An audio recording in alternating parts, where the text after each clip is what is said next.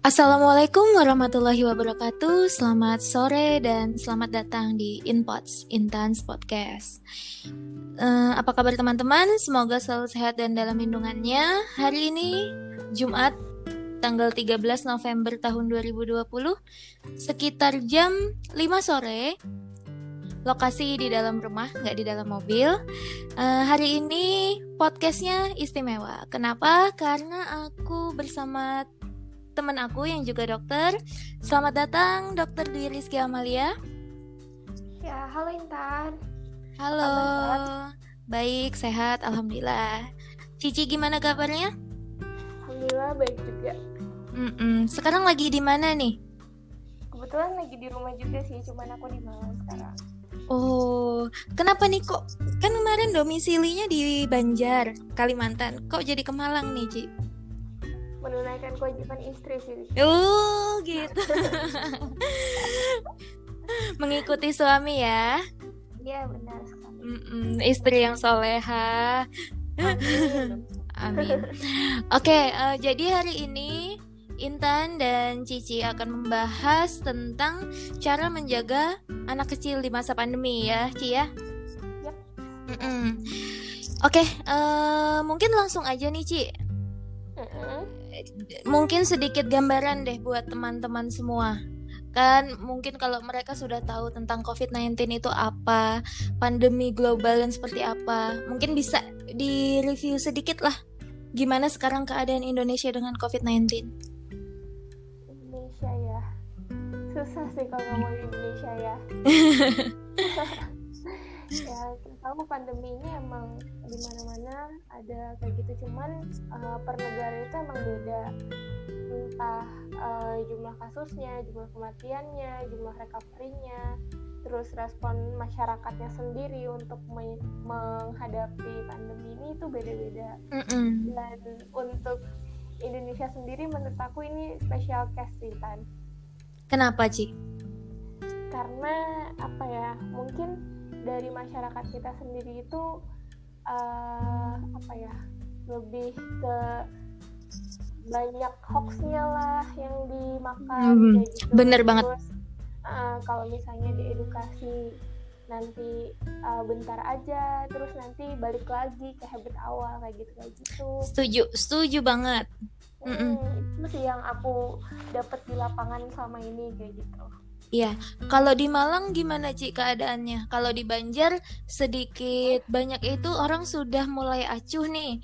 Jadi kalau misalnya kita ke minimarket gitu ya, bisa dihitung, bisa dihitung jari orang yang pakai masker dengan baik dan benar. Sedangkan sisanya itu ada yang nggak pakai masker lah, ada yang pakai masker tapi cuma digantungin lah. Kalau Malang gimana nih?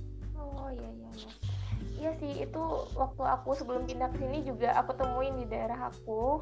Mm-mm. Emang rata-rata kayak gitu bahkan di depan rumah sakit aku uh, isip itu Mm-mm. pas aku pulang kerja itu uh, orang-orang pada nongkrong gitu loh tanpa masker lah tanpa apa aduh kayak miris gak sih gitu kita pulang kerja habis nanganin pasien eh tiba-tiba keluar rumah sakit orang-orang pada nongkrong seenaknya kayak gitu. Iya, sedih banget.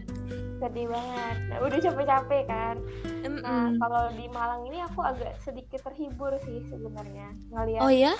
masyarakatnya iya malah uh, apa ya ke mana-mana itu aku ngelihat orang dengan maskernya terus uh, mereka juga rajin cuci tangan sih kalau misalnya yang aku lihat sepenglihatan aku ya nggak tahu sih kalau misalnya di daerah yang nggak nggak aku tahu gitu yang bukan tempat aku jalan atau gimana Mm-mm. Itu berarti habitnya lebih bagus ya di sana ya? lebih bagus dan ini mungkin memang karena uh, pemerintahnya sendiri sih kan pemerintah daerahnya lebih tegas kalau di sini jadi kayak aku pernah kan lagi bosen banget nih di rumah mau ke uh, agrowisata gitu loh nah, Iya. aku kalau misalnya lagi bosan-bosan kan emang suka wisataan juga cuman aku milih tempat yang agak sepi, Sepi. kayak gitu. Dan Hmm. sepi dan itu luas dan itu pasti ruang yang terbuka kayak gitu. Bener banget. Mm-mm, dan di sana tuh aku uh, agak kagum sih gitu. Mereka tuh benar-benar menjalankan protokolnya tuh dengan ketat banget kan. Jadi dari kita pertama masuk parkiran pun kita udah diatur kayak gitu. Nanti ke sana ya nanti checkpoint dulu. Nanti kita cuci tangan dulu. Luar biasa cuci tangan dulu nanti dipastikan dulu maskernya terus dianamnesis dulu kita dari mana dari mana dari mana. Udah deh kalau misalnya kita dianggap aman baru gitu baru gitu. Kita boleh gitu loh dengan syarat kita tetap menjaga jarak. Luar biasa. Kalau uh, hal yang simple aja nih Cik kayak cek temperatur ya. Cek temperatur itu kan kita sering kali nemuin misalnya di sini di Kalsel ini itu kalau misalnya aku ke mall aku masuk itu mereka itu cek temperaturnya di telapak tangan Cik Oh iya. ya, kalau di sana gimana tuh? iya sih aku di sini juga agak kaget kadang-kadang. Jadi mereka tuh beda-beda kan tiap instansi entah mall atau apa atau kantor atau apa ada yang ceknya di telinga ada yang di dahi ada di telapak tangan ada dan yang paling kaget benar aku kaget di telapak tangan nah, ya, kan ya itu sumbernya dari mana aku nggak tahu apa benar apa enggak aku juga belum nyari tahu gitu lah apa bisa sih dicek di telapak tangan gitu Iya, dan lucunya lagi Ci, misalnya kan kita hmm. biasanya masuk ke suatu tempat itu cuci tangan dulu ya. Jadi hmm. cuci tangan dulu, abis itu dicek di telapak tangan yang habis kena air dingin. Iya, abis kan? abis itu dengan santainya petugasnya bilang 33, 34 derajat Celcius ya, dan bener. dan mereka menganggap itu normal kayak gitu loh. Iya benar. Padahal itu, itu kan temper temperatur tubuh mayat kan gitu nah. Iya makanya. Jadi uh, Malang kan dingin ya tan. Aku misalnya mm -mm. Uh, habis jalan nih, otomatis aku dingin dong gitu. Dingin terus yeah. aku tiba di tempat tujuan dicek suhu aku. 34 mbak katanya terus mama silahkan masuk ah, aku ketawa aja aku hipotermi berarti hipotermi anda hipotermi nah itu sih kayaknya mm -hmm. mereka menjalankan bener, bener. protokol cuman mereka nggak ngerti esensi kurang gitu. tepat kali ya Iya, kurang mm -hmm. mungkin kurang edukasi juga ya. Misalnya tentang normal suhu itu berapa sih kayak gitu. Mereka harus dikasih tahu itu. Benar. mereka mungkin mereka diedukasinya kalau pas uh, ada uh, tamu yang dia itu suhunya di atas 37,5 nah ini baru kita masukin uh, kita harus aware gitu mungkin kayak gitu kali ya. Mereka nggak ini suhu normalnya tapi suhu yang jadi perhatian tuh berapa sih? Kayak gitu mungkin kayak gitu aja mereka. Setuju banget. Ya ampun. Iya. oh ya teman-teman sekedar info nih. Uh, jadi Cici ini Dokter Dwi Rizky Amalia ini adalah salah satu temanku yang sangat sangat sangat cerdas sekali. kebetulan kebetulan kami ini punya uh, cara belajar yang saling simbiosis mutualisme sih ya Ci ya. Iya benar. Uh, uh, karena aku adalah tipe orang yang baru paham apabila dijelaskan langsung. Aku nggak bisa murni hanya baca buku doang gitu. Sedangkan Cici adalah tipe orang pembelajar yang gimana Ci?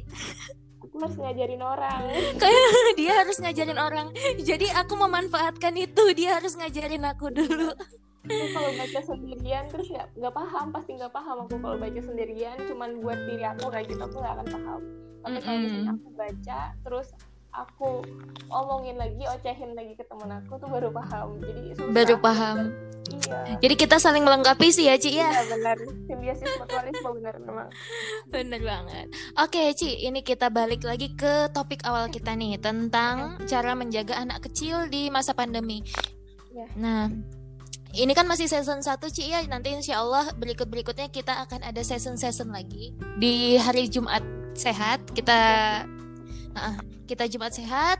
Jadi setiap hari Jumat nanti kita bikin season baru gitu ya Ci mungkin nanti topiknya berubah mm insya Allah semoga bisa terwujud semoga nggak lagi jaga Iya, semoga nggak lagi jaga, jadi dan nggak tabrakan jaganya. Iya benar. Oke deh, uh, balik ke topik. Jadi mungkin uh, orang-orang sekarang Ci yang punya anak kecil, mungkin kayak aku ada adik kecil di rumah gitu ya. Mungkin Cici ada punya sepupu atau keponakan gitu yang masih kecil. Sebenarnya APD apa sih yang diperlukan anak kecil kira-kira untuk misalnya dia mau keluar rumah gitu? Hmm, ya kalau APD sih kayaknya standar ya tan. Sama aja kurang lebih aja sama orang dewasa kayak gitu. Jelas kalau misalnya anak di atas usia 2 tahun yang mereka udah bisa pakai masker ya pakai masker. Terus hmm. kalau misalnya hmm, cuci tangan ya jelas kayak gitu. Terus physical distancing juga harus.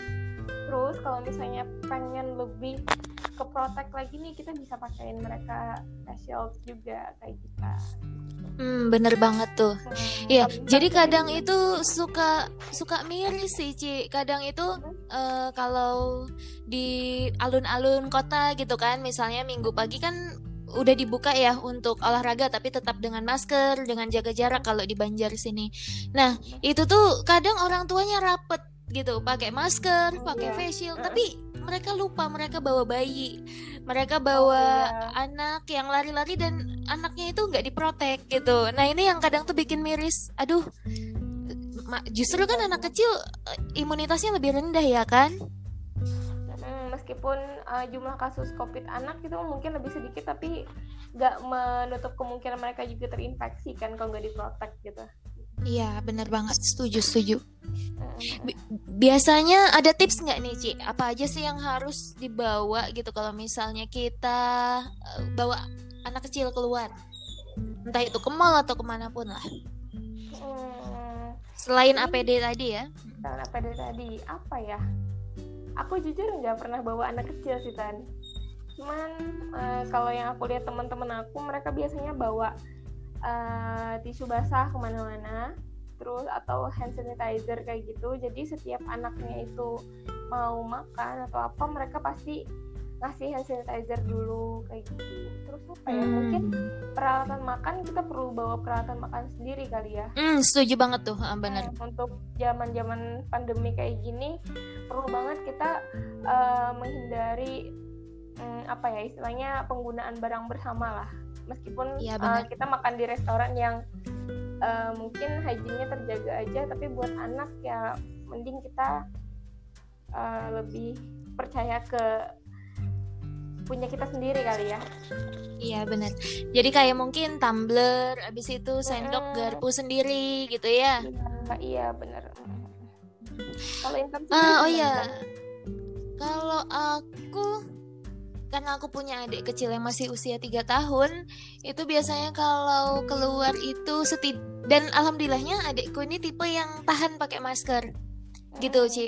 Nah, jadi dia dia bahkan dia sekarang kalau keluar dia tuh nanya masker masker kayak gitu.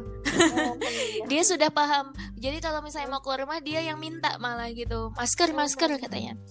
Kalau kalau face shield kadang memang kan uh, agak susah ya anak karena kan mungkin merasa uh, uh, merasa keganggu penglihatannya merasa nggak nyaman lah. Kalau masker kan uh, merekat gitu di wajah. Kalau face shield kan harus ya digantungin di kepala. Nah tapi kalau misalnya dia masih di lingkungan yang relatif sepi biasanya aku cukup pakaiin masker aja gitu. Nah terus kalaupun misalnya uh, hand sanitizer itu benar tisu basah tisu kering itu penting banget. Karena uh, uh, karena kita kadang bisa susah nemuin wastafel untuk cuci tangan kayak gitu. Iya benar. Uh, dan juga anak kecil ini kan kadang suka garuk-garuk muka ya kan? Kucek-kucek ya, mata masuk-masukin ke mulut. Nah jadi bisa cepet lah setidaknya. Iya benar. Gitu Mungkin itu ya kalau apa-apa aja yang dibawa ke anak luar. Nah, sekarang dari segi medis nih, Ci. Dari segi medis, biasanya itu uh, di masa sekarang, masa pandemi masih banyak orang yang takut untuk ke rumah sakit. Bener apa betul? Bener banget. Iya. bener. bener banget kan? Mereka katanya takut di COVID kan, takut sakit sedikit dibilang COVID, takut ya. segala macem lah. Mm -mm. Benar, nah, benar. ini gimana ya? Uh, jadi kriteria apa aja sih kasus-kasus anak sakit yang harus dibawa ke rumah sakit gitu? Soalnya kadang orang tua itu banyak yang ngebiarin aja anaknya sakit di rumah gitu karena takut di covid kan? Iya benar banget deh. Ini sebenarnya uh, gara-gara hoax ya, hoax yang bener banget. masyarakat itu luar biasa loh tan. Jadi aku kadang-kadang kayak ya udah ketawa aja lah dengernya katanya. Uh, nanti kalau misalnya ke rumah sakit dibilang covid sedikit sedikit dibilang covid kayak gitu. Benar terus kalau meninggal nanti jenazahnya uh, maaf. Protokol covid. Protokol covid terus ada yang ekstrim nih kan katanya organnya diambil Astagfirullah. Kita yang jual katanya gitu-gitu. Astagfirullahaladzim. Nah, padahal kepikiran pun enggak kita ketemu covid gitu kalau bisa tuh enggak gitu kan. Iya. Iya makanya. Kok bisa sampai jual organ gitu? Iya Aduh. makanya kaya banget tuh. Aduh. Ya, ya makanya serem banget kayak gitu. Memang hoax yang beredar di masyarakat kayak gitu dan uh, masyarakat kita itu tipe yang kalau misalnya dengar berita kayak gitu tuh mudah percaya gitu. Dan mereka agak-agak gimana ya maksudnya kalau misalnya dengar kayak gitu nggak mencari klarifikasi atau apa gitu kadang ditelan aja. Nah itu sih mirisnya. Nah, mm -mm. salah satu dampaknya tuh ya itu tadi kayak gitu. Kalau misalnya itu pengaruh juga tentang sosmed gitu ya Ci ya? Hmm, pengaruh banget nanti kan? malah Uh -uh. Nanti kadang berita hoaxnya itu masuk ke grup WA lah, uh ke grup lain lah, gitu dan menyebar Benar luas. Aduh. Iya. Dan ditelan aja lagi, nggak disaring dulu. Iya makanya. Uh Dan itu sih yang mirisnya itu akhirnya dampak dari hoax itu sendiri mereka jadi ketakutan ke rumah sakit dan itu benar banget kan aku berapa kali nemuin jadi ada nih uh, sekarang itu aku sering di chat-chat kayak gitu sama orang-orang kenalan aku. Mereka konsulin keluarganya yang sakit di rumah kayak gitu. Dan yeah. menurut aku ya itu udah kriteria MRS kayak gitu. Jadi ada uh, tunggu tunggu Ci. MRS itu apa Ci? MRS oh, itu iya, sorry, apa? sorry maaf. Jadi MRS itu rumah sakit. Jadi oh kriteria, rawat inap gitu ya? Iya hmm. rawat inap. Mana sih pasien yang uh, memang butuh dirawat di rumah sakit gitu. Dan uh, orang yang salah satu jadi aku tuh punya adik tingkat dan adik tingkat aku itu punya teman temannya itu punya anak gimana tuh kan temen, kenapa kenapa jadi ada uh, ada aku kan punya adik tingkat nih ada tingkat deket lah sama yeah. adik tingkat kayak gitu dan adik tingkat itu punya teman lagi dan temannya itu punya anak nah si anak ini okay. sakit mm -mm. kan si anak ini sakit dia itu didiagnosis TB kayak gitu terus dia itu uh, pokoknya katanya setiap malam itu sesak banget sesaknya banget. Terus aku dikirimin videonya kan. Jelas banget itu kan dari yeah. videonya itu dia napasnya tuh udah cepet banget terus retraksinya tuh jelas banget. Dan aku tuh takut dia nanti jadi dalam banget ya? Iya ya Allah. retraksinya tuh dalam dan aku takut itu jadi gagal nafas kayak gitu. Ya iyalah nah iya kan? Dan aku bilang bawa ke rumah sakit aja udah kalau kayak gitu kondisinya kayak gitu kan. Dan anaknya tuh kayak ngerintih gitu loh kan gitu. Mm -mm. saking sesaknya. Saking sesaknya. Jadi uh, bawa ke rumah sakit aja aku bilang. Kalau udah kayak gitu deh bilang kan. Tapi si orang tuanya ini kekeh dan katanya takut ke rumah sakit. Gak, ya ya karena covid itu tadi alasannya kayak gitu. Dan aku nggak tahu nih aku nggak nggak nyari tahu lagi nggak nggak nge-follow up lagi terakhir aku dapat infonya sampai seka, sampai sampai dua hari yang lalu belum ada belum dibawa ke Ya Allah, padahal kan kalau misalnya lebih cepat, cepat ditata laksanai, iya. setidaknya resiko nauzubillah kalau sampai meninggal gitu ya, itunya bisa diminimalisir. Eh, nah, itu.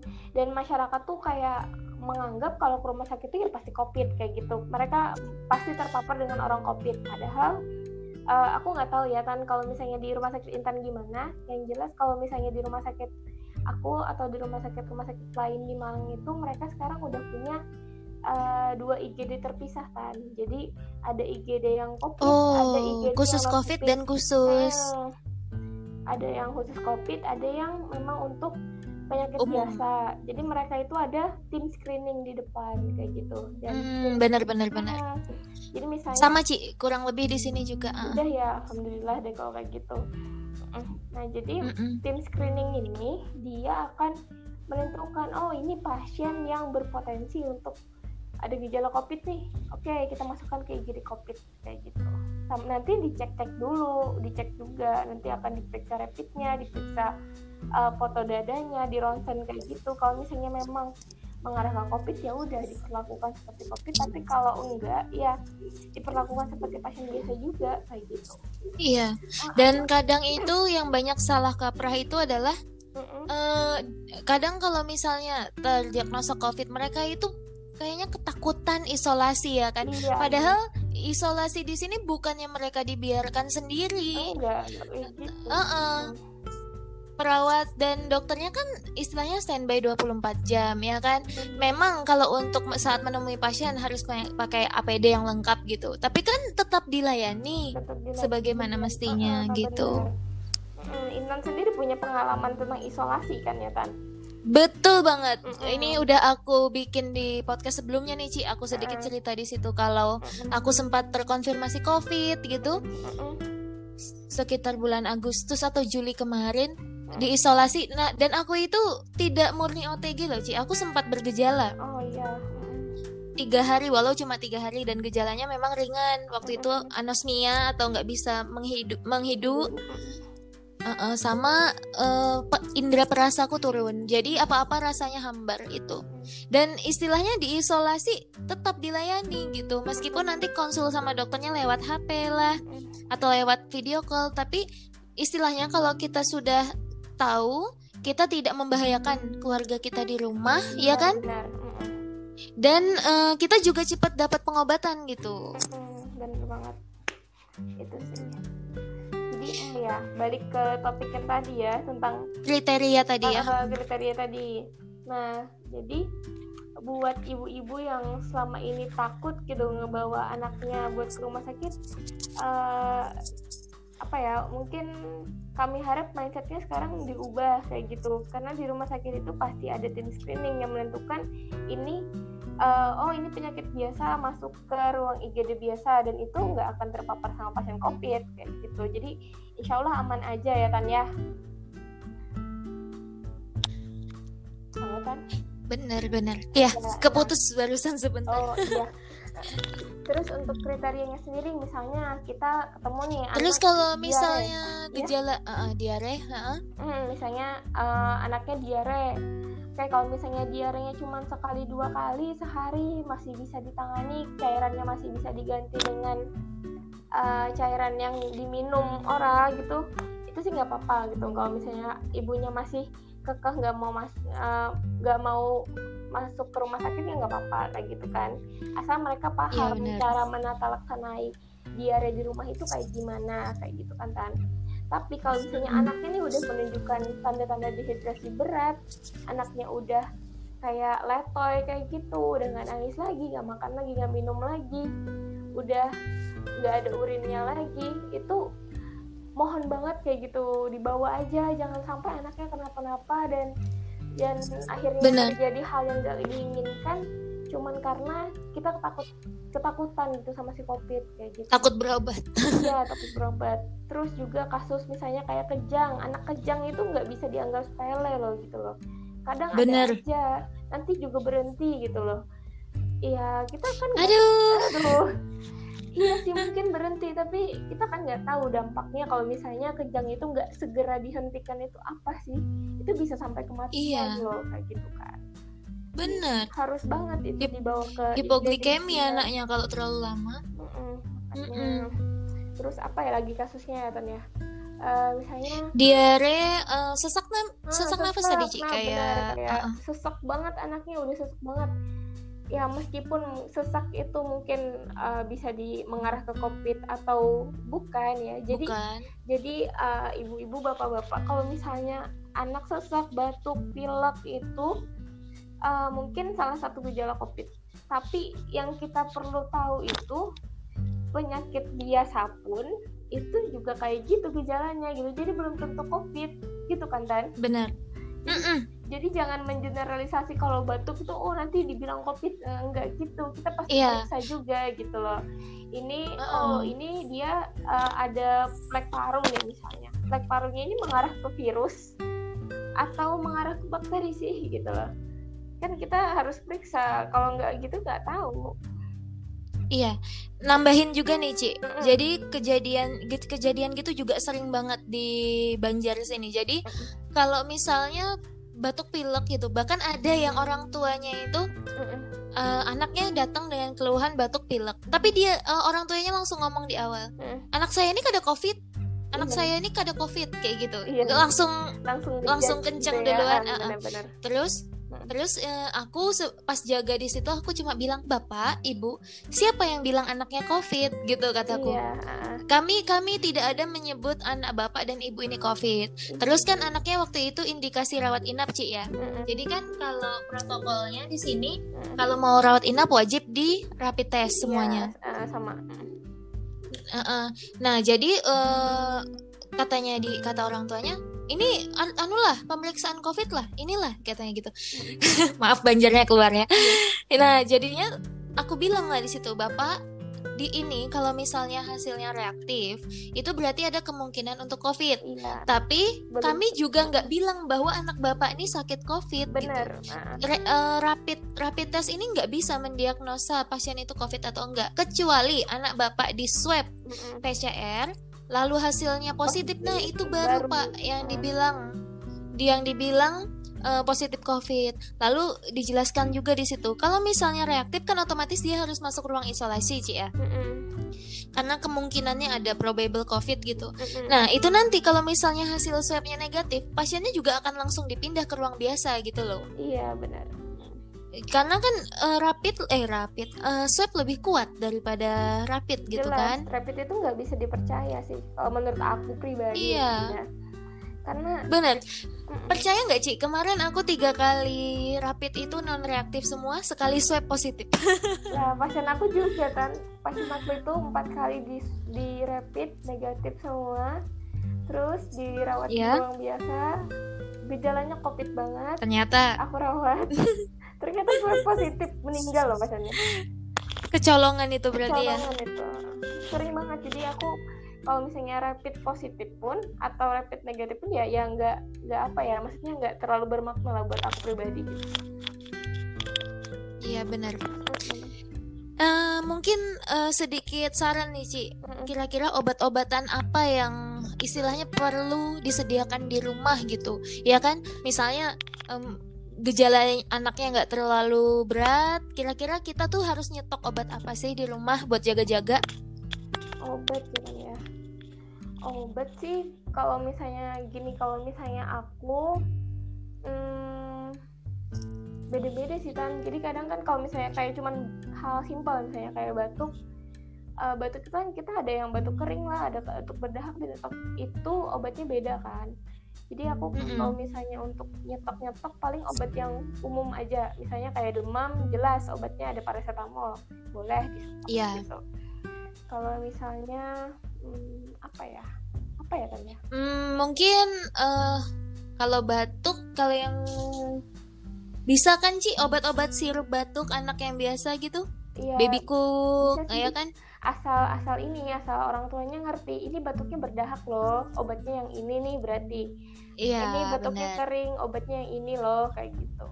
Itu sih yang penting sih orang tuanya ngerti yang mana obatnya harus dikasih ya Kasihkan boleh ke anaknya. Uh, ya boleh di stop tapi kalau misalnya nggak ngerti ya jangan nyetok gitu. Iya bener. Malah bahaya nanti malah kan. bahaya nanti salah salah salah salah kasih obat malah jadi makin ini sakitnya mungkin anu ya sih kalau boleh nambahkan itu kayak obat-obat yang obatan luar misalnya balsem Oh boleh. Balsem yang untuk melegakan tenggorokan anak, nah, gitu. Dicari balsem yang nggak terlalu panas. Uh, uh, inhaler mungkin, mungkin ya yang kayak, inhaler. Uh, uh, buat misalnya anaknya hidungnya tersumbat, boleh tuh dicium-cium nah, sama bener inhaler, banget. boleh. Iya. Ini mungkin kayak gitu kayak gitu boleh lah pasti. Gitu. Boleh lah, bener banget. sama nih kalau misalnya anak anak dengan riwayat kejang demam ya tan. Biasanya aku iya? uh, daripada telat biasanya kalau aku sih mengedukasi uh, pasien aku itu di ini uh, mereka disanguin pulang. Iya disanguin diazepam yang lewat anus itu loh. Bener. Kadang aku juga gitu Ci mm, sama. Ya, pasti itu buat mereka kalau misalnya di rumah cepet-cepet dikasih ini dulu kayak gitu baru bawa ke rumah sakit. Kayak gitu mm -hmm. biar nggak nggak terlambat gitu penanganan kejang iya misalnya kejangnya terus kejang dari rumah sampai rumah sakit kan udah berapa menit Ci ya? Mm, udah berapa banyak sel otaknya yang mati gitu. Iya benar-benar Nah, kadang juga gitu Ci, kan istilahnya kalau istilahnya resepnya dari kita atau dari dokter gitu kan, dosisnya udah jelas jadi orang tua tinggal masukin aja ya kan. Iya. Udah kita lihat berat badan anaknya. Bahayanya adalah kalau misalnya beli sendiri obatnya. Nah benar. Nanti takutnya malah depresi napas itu. Iya benar. Itu masalahnya. Nah itu sih nah makanya aku benar-benar agak-agak gimana ya mau disuruh nyetok salah mau disuruh nggak nyetok ya salah juga gitu-gitu kan. Agak bimbang sih sebenarnya tapi misalnya untungnya sekarang apoteker sudah udah anu Ci udah paham jadi mereka itu sekarang nggak boleh nggak boleh orang itu beli tanpa resep Iya, Kalau untuk iya, obat-obatan seperti gitu. itu. Iya, obat-obatannya memang berisiko kan, obat-obatan keras gitu emang nggak boleh. Iya. Ini obat bebas kayak ya simpel banget paracetamol tuh bebas ya ya udah lah. Gitu. Iya, udah istilahnya sudah bahkan di kotaknya udah ada tulisan kan berapa tahun sampai berapa tahun, Ah, ah, berapa iya, sendok, sudah jelas banget. Bener. Mm-mm. Terus kayak mm-mm. eh, kalau misalnya yang sering obat-obatan yang sering disalahgunakan tuh kayak antibiotik antibiotik gitu loh Tan. Aduh, kita setuju banget. Antibiotik itu banyak banget, banyak banget jenisnya dan beda peruntukannya gitu untuk penyakit ini beda. Kadang disamaratakan aja gitu loh. Iya. Dan Terus yang tingkatannya beda ya kan? Benar-benar benar banget. Jadi kalau misalnya kayak antibiotik aku nggak nyaranin sama sekali untuk di stop ya. Setuju. Mm-mm. Kadang itu sedihnya itu Ci, pasien tiba-tiba datang dia Mm-mm. dengan keluhan batuk pilek gitu aku pernah nemuin dia belum pernah ke dokter belum pernah ke puskesmas belum pernah ke mantri gitu ya tahu-tahu dia bilang pas aku tanya udah dapat obat apa nih di rumah paracetamol kata ibunya oh masih masih aman lah terus dia bilang lagi cefadroxil katanya abis loh jadi wow wow cepet banget gitu maksudnya tuh udah main main antibiotik Ci gitu. Terus berapa kali sehari? Satu, hah? Gitu kan? Aduh. Underdosis. Abis itu dia nggak tahu antibiotiknya itu pas atau enggak gitu ya kan? Heeh, Iya. Aduh, mirisnya di situ kadang. Terus tahu-tahu resisten ya Tan. Iya, tahu-tahu ya inilah yang harus kita edukasi, Ci. Kalau antibiotik Iya. itu sudah langsung dia diberikan yang apa ya tingkatan tinggi kan yang di bawahnya jadi nggak mempan lagi sudah. Mm-mm. Kayak gitu Ya itulah. Jadi yang boleh di stok itu intinya yang ringan-ringan aja ya Tan ya. Iya. Kayak Ah, ah, kayak penurun panas boleh. Terus Mm-mm. misalnya eh, kayak tadi apa kata Intan? Obat Kayak batuk. balsem-balsem, obat Balsem-balsem. batuk. Mm. Ah, ah, boleh lah kayak gitu. Biasanya ada Ci di apanya? Di kotak obatnya itu dia ada lambang bulat hijau. Nah, itu artinya Ah, aman. iya benar. Heeh. Hmm, benar itu bisa lah digunakan Itu di bisa rumah. lah, benar. Bisa dipahami tanpa resep dokter kayak gitu kan. Tapi kalau misalnya udah yang bulat merah atau ada tulisan Ah, ah. kaknya itu kan Iya. udah Nggak harus boleh itu, konsul bisa dulu. itu. Heeh. Mm-mm, Benar-benar. Benar. Ya, setuju. Oke, nah Ci, ini sekarang kan lagi pandemi, kadang sekarang ya masih mending lah, udah mulai buka yang namanya tempat-tempat publik gitu kayak mall dan segala Iya. macam. Dan orang-orang beraneka ragam sifatnya untuk ke tempat-tempat tersebut ada yang mematuhi protokol, ada yang tidak. Kalaupun nih Iya. ada orang yang memilih untuk di rumah aja, ya kan? Di rumah Hmm. aja bersama anaknya itu dia pasti tidak akan kena covid nggak sih Ci? Oh ya, kalau misalnya dia di rumah aja ya, bener-bener Heeh, ada dia nggak pernah keluar keluarga. gitu. Lalu eh, dia eh, merasa yakin, oh aku akan kena covid kan aku di rumah aja. Itu pasti nggak Dia, dia di rumah aja dikunjungin sama orang dari luar nggak? Nah itu dia, itu dia masalahnya. Kalau misalnya dia di rumah aja, di rumah aja bener-bener di rumah aja dan nggak ada salah satu dari orang yang di rumah aja itu yang OTG, ya insya Allah nggak kena kan ya Tan? Tak. Ya sih, nggak ada sumber penularan kan? Tapi kalau misalnya ternyata salah satu dari mereka itu eh, adalah orang positif tanpa gejala, ya, Ya bisa aja ya kan. Terus juga kadang itu kitanya kita sendiri bisa lupa ya kan Ci kayak kita nih Cici sama Intan ini kan kerjanya di luar bahkan di di rumah sakit ya kan benar. yang sangat beresiko banyak virus covid ini kadang kita tuh bisa kalau lagi lupa itu tuh uh, entah kita kurang membersihkan diri lah abis itu capek pulang ke rumah langsung main tidur aja di kasur lah ya kan tanpa ganti baju benar. nah itu loh kadang yang aduh Iya, benar-benar. Ah, kalau misalnya aku Mm-mm. sendirian ya tan, aku mungkin kayak gitu bener. Aku sering ketiduran sendiri waktu aku yang eh, masih sendiri. Habis dari pulang rumah sakit tuh capean, biasanya ketiduran, nggak sempet mandi, nggak sempet apa, iya ketiduran gitu. Tapi kalau misalnya ada orang-orang di rumah, aku lebih lebih aware gitu. Jadi kayak misalnya aku kan dari kemarin di rantau kebetulan.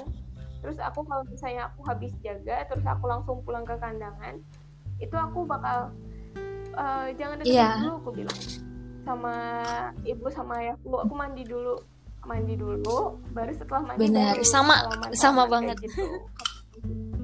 Hmm, hmm, benar.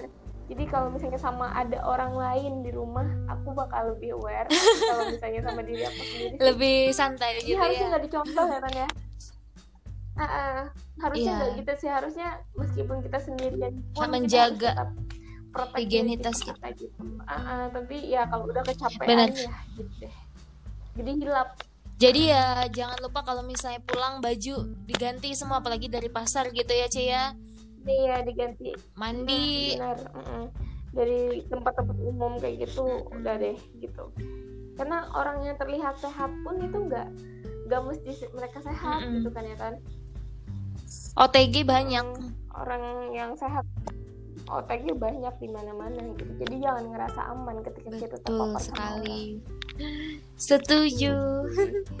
aku aku kadang diinin orang loh kan jadi kayak aku kan pernah beli Mm-mm. obat di apotek terus di depan apoteknya udah jelas tulisannya jaga jarak satu Iya. meter kayak gitu kan jadi aku tuh menjaga jarak aku menjaga jarak eh orang yang di belakang aku ini Iya, aku kan terus aku refleks dong. Iya, aku refleks kalau- jauh dari dia. Aku ke samping dan langsung dia kayak melototin aku kayak gitu. Ya ya mungkin tersinggung kali ya. Aku langsung refleks Heeh. menjauh dari dia kayak gitu. Ah, tapi ya daripada aku pikir daripada aku yang akhirnya beresiko dan aku mau resiko itu ke keluarga aku mending aku aku melakukan itu gitu Dan itu sebenarnya hal yang harus dilakukan tapi masih dianggap aneh, ya kan? Masih dianggap benar. sombong Ah, masih- atau masih dianggap Hmm, apa ya? benar ya begitulah. gitu, gitu. Oh ya, sama yang agak susah itu masalah Betul. salaman kan. Kita, iya kita kan habitnya ramah tamah ya. Kita masyarakatnya terkenal dengan keramah tamahannya kalau ketemu salaman gitu kan dulu gitu.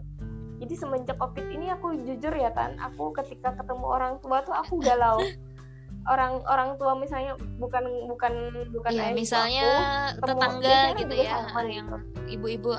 Tetangga atau atau atau mm-mm. itu biasanya kan salaman gitu loh jadi ketika ketemu sekarang itu aku galau ini aku salaman gak ya salaman gak ya salaman gak ya akhirnya tuh kayak cuma gimana ya kadang kalau misalnya orangnya akhirnya menyodorkan Ya udah, untuk salam. salaman ya udah akhirnya aku salaman aku langsung cuci Ya, tangan. tapi, tapi jangan di depan Aku- orangnya aku ya. iya jangan lah Eh, Kalau aku menyi- menyiasatinya gini, Ci. Mis pernah juga tuh sering kali ketemu situasi kayak Cici tuh ya. Itu aku menyiasatinya dengan misalnya aku udah pakai masker gitu. Terus ada yang salaman, ya udah salamannya itu di masker aja gitu. Eh maksudnya, ah, ah, jadi maksudnya itu nggak menyentuh Iya. mata, nggak menyentuh hidung gitu kan. Ah. Abis itu juga sama kayak Cici, aku bawa hand sanitizer itu ke mana-mana di kantong. Nah, jadi nanti kalau misalnya udah langsung set gitu. iya bener Cuman ya jangan sampai ketahuan orangnya, kan nanti takutnya tersinggung atau apa. Iya Mm-mm. tersinggung nggak pasti. Kita menjaga jarak pun mereka kadang tersinggung gitu Iya, benar banget. Ah seru juga ini. Ternyata kita sudah sekitar berapa lama ini ngobrolnya? Ah, 47 Bentar. menit. Luar biasa. Eh, ini kita yang jelas aja sih. Kita ngobrol iya iya tapi ba- banyak yang bisa diambil sih Ci. Eh, eh, semoga semoga. Iya, semoga ya. Semoga nggak Iya, semoga semoga berbobot lah ya meskipun sambil sambil random banget Amin. oh 41 menit maaf tadi salah lihat kirain 47 menit Ah, ah. Iya, bener. Oke, eh, kayaknya untuk season kali ini cukup kali ya, Ci ya. Uh, uh. iya kali ya Eh, daripada pendengarnya Iya. kita. Nanti tunggu di season-season berikutnya. Mungkin sedikit rangkuman nih, Ci. Jadi tadi hari ini kita membahas tentang bagaimana cara menjaga anak di musim pandemi, ya kan?